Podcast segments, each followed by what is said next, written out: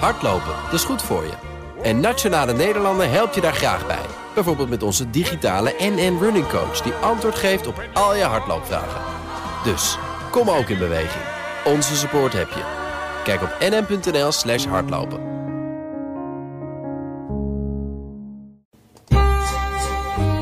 De Perestrooikast. Een blik op Oost-Europa.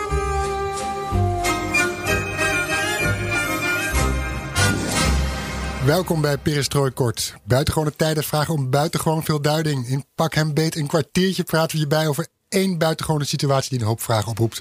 We proberen het oplaaiende conflict in Oost-Oekraïne te verklaren. En stellen ons de vraag, wie heeft er baat bij een oorlog? De klok tikt, de 15 minuten gaan in. Ik ben Floris Akkerman. En ik ben een dol enthousiaste Geert-Jan Haan. En dit is BNR Perestrooi Kort.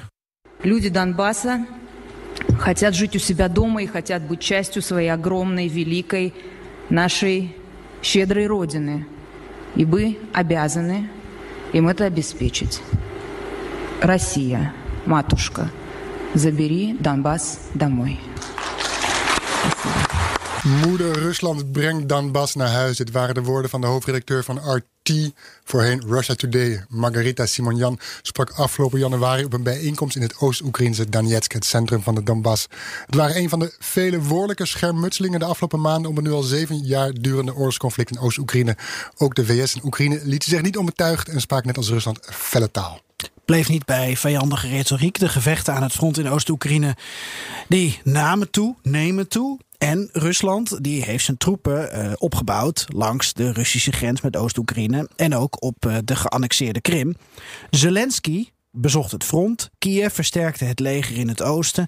De Verenigde Staten hadden het plan om twee marineschepen te sturen naar de Zwarte Zee. En zo zie je, wij bouwen op wat de afgelopen maanden daar aan die grens is opgebouwd. Maar om met dezelfde vraag als Floris te komen: wie heeft er baat bij een oorlog? En waar bemoeit Turkije zich ineens mee?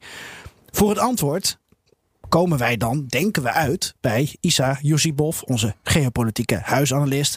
En misschien ook wel dat we zelf suggesties hebben. Dag Isa, fijn dat je er bent. Dag Isa. Na al deze woorden en, en zetten. Ja, ik dacht ik blijf in de Isa's schaakpatronen. In Isa's schaak, uh, ja, prima. Um, nou, dan ga ik het gewoon anders zeggen. Na al deze woorden en zetten nodigde Biden uh, Poetin begin deze week uit voor een top. Nou, daar komt die Isa. Floris, was dat een slimme zet? Ik vind uh, vanuit diplomatiek oogpunt vind ik het wel een slimme zet. Uh, omdat, omdat er sprake is van een padstelling, als we het toch over schaak hebben. En uh, Biden wil dan voorkomen dat Rusland, zeg maar, dat de situatie in ieder geval verder escaleert. En dan, als je dan dat persbericht leest, en de laatste zin is, ja, ik wil Poetin uitnodigen voor, voor een conferentie in een derde land. Uh, dat betekent dus dat er een deadline komt, waarschijnlijk of een datum komt. En tot die tijd uh, wil Biden uh, ervoor zorgen dat Poetin in ieder geval geen verdere stappen zet. Want dat wordt dan moeilijk zeg maar, om bij het gesprek aan te komen terwijl de situatie nog erger uit de hand is gelopen. Dus in die zin vind ik het wel een slimme zet. Ja. Ja, nou, de Russen die eh, krijgen bijna victorie. Want die zagen eigenlijk dat Biden hiermee voor als eerste met zijn ogen knippert. En ze maakten de woordgrap met Blinken, uh, de minister van Buitenlandse Zaken, van wie het eerst knippert. Blink met zijn ogen, die heeft verloren. En ze zagen daarmee dus hier eigenlijk een soort van overwinning van Poetin, die niet bezwijkt onder Amerikaanse druk. Dus het is maar net hoe je hem. Uh, hoe je hem uitlegt. Ja, tegelijkertijd heeft uh, het Kremlin gezegd dat, uh, dat er op korte termijn geen gesprek uh, gepland is. Dus in principe is dat ook een soort van afwijzing. Uh, dus ja, ja, nog steeds een padstelling, denk ik. Oké. Okay. Onderdeel van de Perestrooi Kort is dat we duiding geven, uitleggen hoe het zit. Ook voor mensen die net iets minder goed dit conflict volgen. Nou, we hoeven waarschijnlijk niemand te vertellen dat er al een jaar of zeven een oorlog woedt in het oosten van Oekraïne. Misschien dat we mensen wel moeten vertellen dat die oorlog nooit is weg geweest. Soms nam hij wat toe, soms nam hij wat af. Um, maar nu is hij weer flink aan het toenemen in um, daad en in woord ook. En ja, dan is nu even de vraag vooral: wie heeft dat oorlogsvuur weer opgestookt? Wie heeft daar weer even in zitten poken, waardoor het nu, anno 2021, we, we zitten in april, dat dat vuurtje weer uh, oplaait. Uh, wie mag ik als eerste het woord geven? Ik, uh, eerst onze gast. Eerst onze gast. Ja, zo, sociaal van jou. Ja, klopt. Oké, okay, Isa. Poetin, Zelensky, Biden. Wie heeft er lopen poken? ik denk alle drie. zoals je aangaf, het is een conflict wat al zeven jaar speelt. je kunt nagaan, het langer duurt dan de Eerste en de Tweede Wereldoorlog bij elkaar.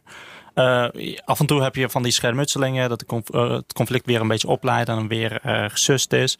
Maar ik denk dat de geopolitieke situatie na de verkiezing van Biden dusdanig veranderd is dat er ook ja, dat het geen verrassing is dat er nu opeens het conflict in Oekraïne opleidt. Ehm, aan de andere kant heeft het ook uh, mee te maken dat Oekraïne de, de, afgelopen jaren flink geïnvesteerd heeft in, in, zijn leger. Tegelijkertijd, vanuit het Russische oogpunt, uh, is het belangrijk dat Poetin hiermee in ieder geval Biden test. Om, om, om te kijken van hoe, hoe ver Biden of de internationale gemeenschap over het algemeen kan gaan als het gaat om het verdedigen van Oekraïne. Dus in die zin hebben ze er alle drie baat bij gehad ja. zeggen. Zo eh, even, uh, Floris, met jou nog even over uh, Simon Jan uh, door. Wat je liet horen, dat fragment. Ja. Wel even belangrijk om te vermelden. Blinken, je noemde hem net al even, die is afgelopen week in Brussel geweest. Hij heeft met Stoltenberg van de NAVO gesproken over Oost-Oekraïne. Merkel heeft met Poetin gebeld, maar verder uh, hebben we niet de indruk dat Duitsland en Frankrijk, als je kijkt naar dat Normandië viertal, dat mhm. die echt heel actief zijn in uh, momenteel die boel daar onder controle houden. Zelensky heeft een werklunch deze week met uh, Macron op het programma staan. Dus die gaan elkaar nog ontmoeten. Kijk, Zelensky had ook een uitnodiging naar Ursula von der Leyen gestuurd. Uh, voor ergens deze zomer. Maar dat is uh, wat aan de late kant. Bovendien is dat aan de kant van Ursula von der Leyen helemaal misgegaan. Maar goed, dat is een ander verhaal. Dat is mhm. meer iets op Europees niveau. Maar even om dat beeld te schetsen. Want misschien komen we nog over Frankrijk en Duitsland verder ook te spreken. Omdat je natuurlijk hebt over grootmachten die hier een rol in hebben. Floris Simon-Jan, waarom liet je dat fragment uit januari horen? Ja, dat was natuurlijk een van de eerste felle uitlatingen die, uh, die vanuit Kremlinzijde kwam. Je kan, moet bedenken van Simon Jan, dat is niet de eerste de beste hoofdredacteur van R2. Die, uh, R2? Uh, Russia Today. Mag je R2 zeggen? Ik weet niet of je R2 zegt. RT? RT, denk ik ik weet niet. Nou ja, Russia Today. En um, ja, als zij zit daar hoog in de boom bij het Kremlin, dus dan kun je je voorstellen dat er meerdere mensen met haar gedachten of met haar uh, uh, uitspraak het eens zijn. In hoeverre dat tot helemaal tot Poetin uh, duurt, doorgaat, dat is natuurlijk de vraag. Maar in ieder geval, de gedachte gaat rond in het Kremlin, lijkt mij zo. En als je ook vervolgens ziet dat de staatsmedia flink het oorlogs, de boeren, zoals jij gezegd, opstoken, de Russische staatsmedia. En het allemaal bij elkaar, opgeteld, hè, opstoken als in van Oekraïne is uit op een oorlog in Donbass. Um, ja, dat maakt het wel dat je ook kunt kijken naar Rusland als zijnde die inderdaad ook het uh, vuurtje opstookt. Um, wat je verder ziet is dat uh, Zelensky zich ook wel gesterkt voelt door Biden. Hè, die steun van onvoorwaardelijke steun van Biden. Waardoor Zelensky heeft zoiets van nou ik kan wellicht uh, meer maken nu richting Rusland. Want ik krijg toch de dekking van, van Biden. Ook van Blinken heeft het gezegd. Van we zullen de soevereiniteit waarborgen van Oekraïne. En ze kunnen rekenen op onze steun.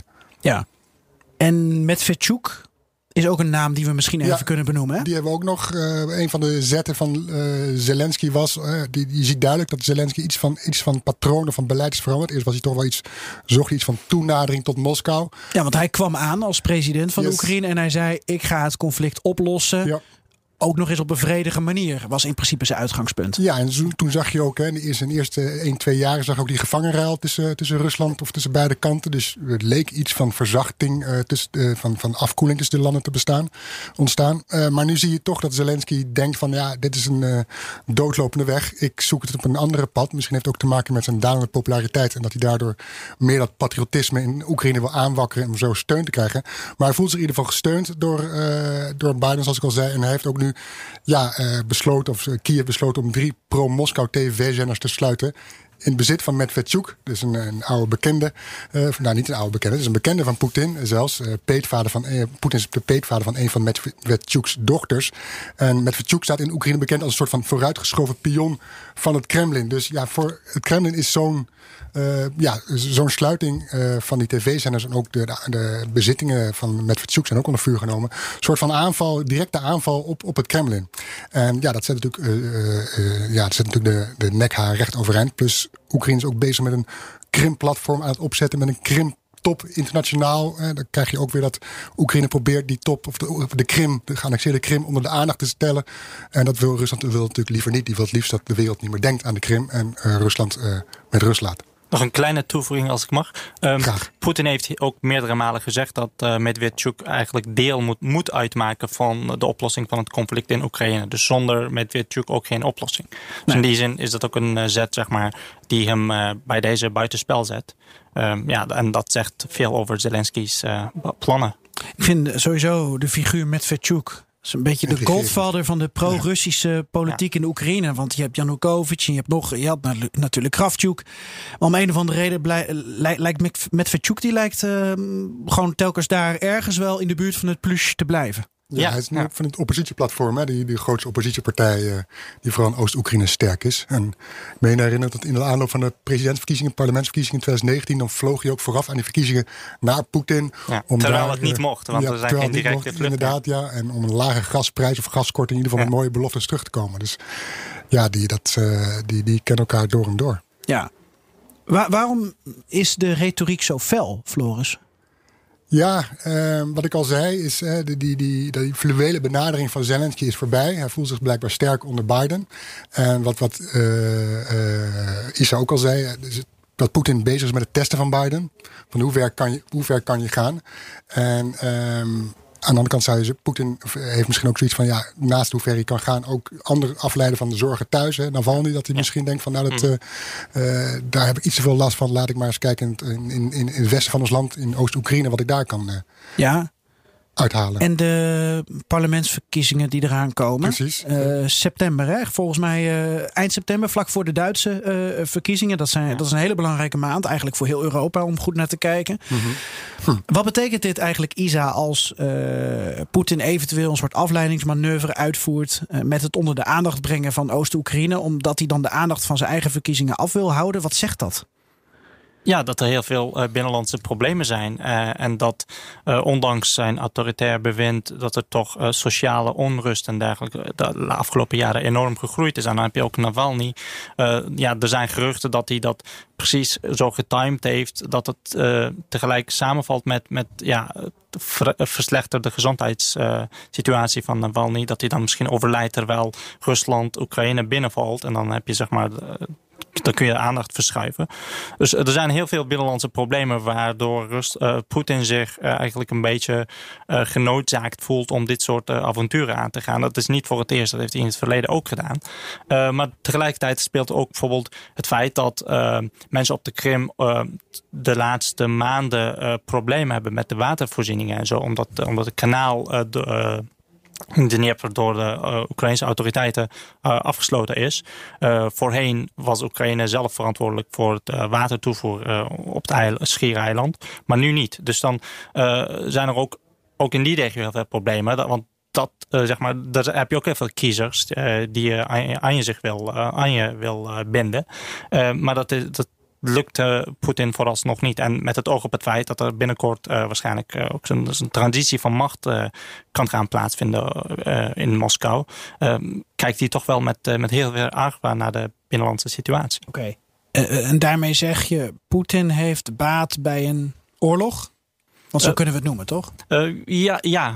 Oorlogje. Uh, ja, precies. Uh, sowieso als er sprake is van escalatie, dan is dat niet alleen voor Poetin, maar ook voor Erdogan bijvoorbeeld. Dat is een hele goede manier om je uh, achterban te consolideren met, met, met een, dat nationalistische en dat patriotistische. Dus in die zin, ja. Maar Zelensky dan? Want Zelensky die heeft al die tijd gezegd: ik ga het vredelievend oplossen. Dus die heeft geen baat bij een oorlog. nee, maar ik denk dat het, wat, wat Floris ook al zei, hij is teruggekomen op zijn eerste zeg maar, belofte.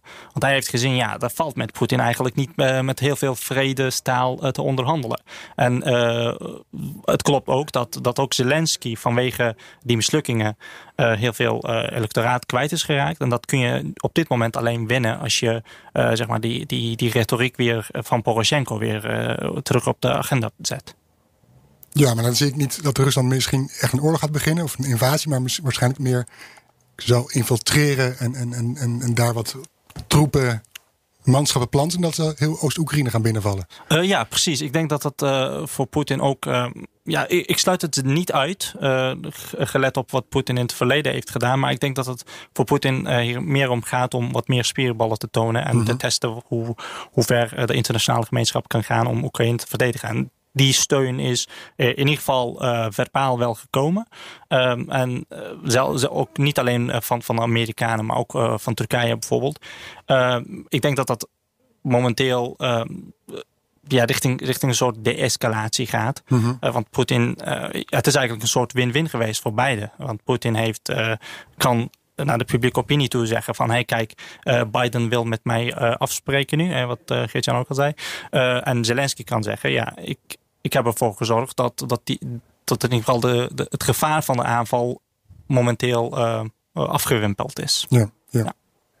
Geert-Jan, ik stel de vraag. Hè. Obama liet in de, in de jaren 2014, 2016, toen Obama president was van Amerika, Biden vicepresident, liet uh, Obama het initiatief eigenlijk over aan Duitsland en Frankrijk. Zoals je ziet bij het Minsk-vredesoverleg over, over Oost-Oekraïne. Nu zie je eigenlijk dat Biden meer aan het touwtje trekt. Spelen Berlijn en Parijs een rol in deze hoogoplopende ruzie. Dus nu ga jij mij een vraag stellen. Dat is echt super meta hè, hoe dit nu wordt. Dus ik hoop dat het voor de luisteraar nog te volgen is. Maar eh, ja, jongens, als jullie me willen aanvullen, doe dat. Ik heb het idee, er is in ieder geval diplomatiek contact op het hoogste niveau tussen Berlijn en Moskou, Merkel en Poetin. Dat is natuurlijk altijd goed als je uh, het ergste wil voorkomen. Merkel belt met Poetin om te zeggen: Nou, uh, doe het niet.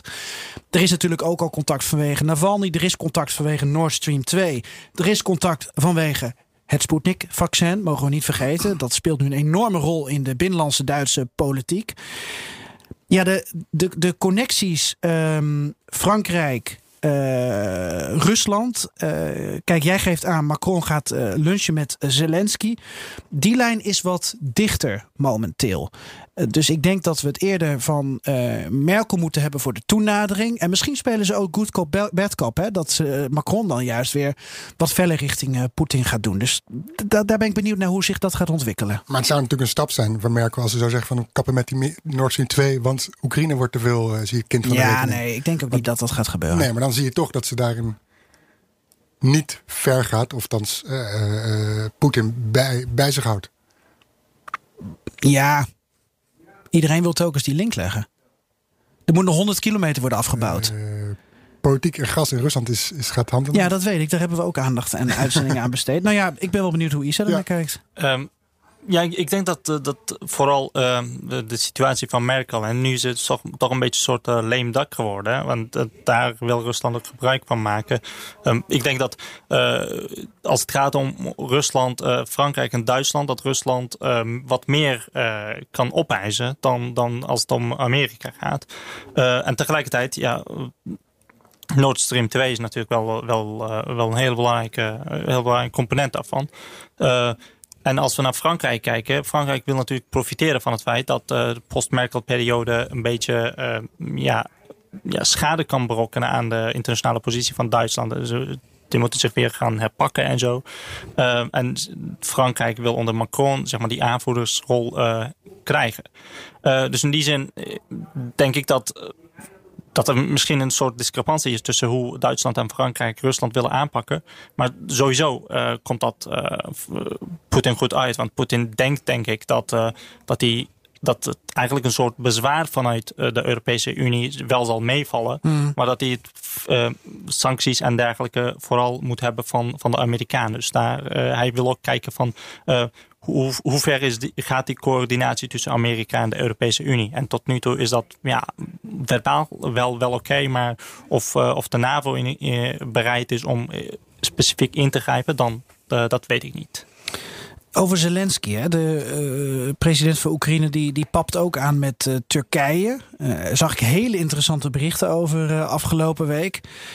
Wat speelt daar, Isa? En wat, wat is het belang van Kiev en Ankara om, om samen op te trekken. Mm ja, de geostrategische ligging van beide landen is natuurlijk uh, heel uh, belangrijk. En in de Zwarte Zee is het altijd al uh, historisch gezien het geweest. Zo'n strijdtoneel tussen Turkije, Ottomaanse Rijk en het Russische Rijk en nu Rusland.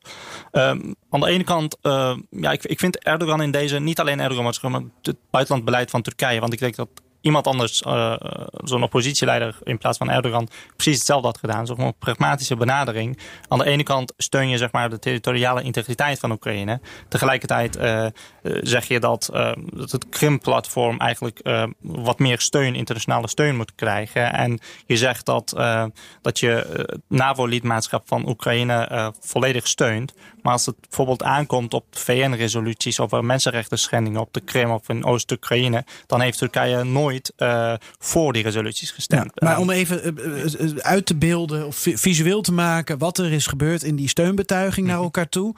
Uh, ten eerste heeft Zelensky getwitterd een foto van hem met Erdogan met de tekst iets in de strekking van hier zit wel een betrouwbare bondgenoot. Ja, dat was een soort sneer naar Poetin. Ja misschien ook wel een beetje richting de Europese leiders. Mhm. En er waren drones die boven Oost-Oekraïne werden gesignaleerd van Turkse makelij. Uh, defensieve drones, hè?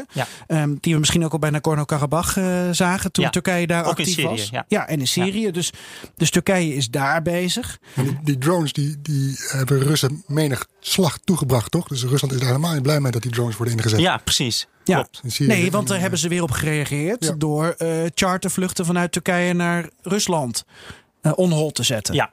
Dus het, het is echt, iedereen heeft ruzie met iedereen. En iedereen is weer een bondgenoot van iedereen. Ik, ja. De vijand van je fijn dat je beste vriend, zoiets. Geopolitiek is best wel uh, ingewikkeld af en toe, Isa. Ja, zeker. Net als schaken. Misschien hebben we Moldavië nodig als uh, intermediair of IJsland. Daar is ook weer gedoe aan de hand, geloof ik. Oh ja, dat is waar. Ja. Oké, ik houd bij IJsland.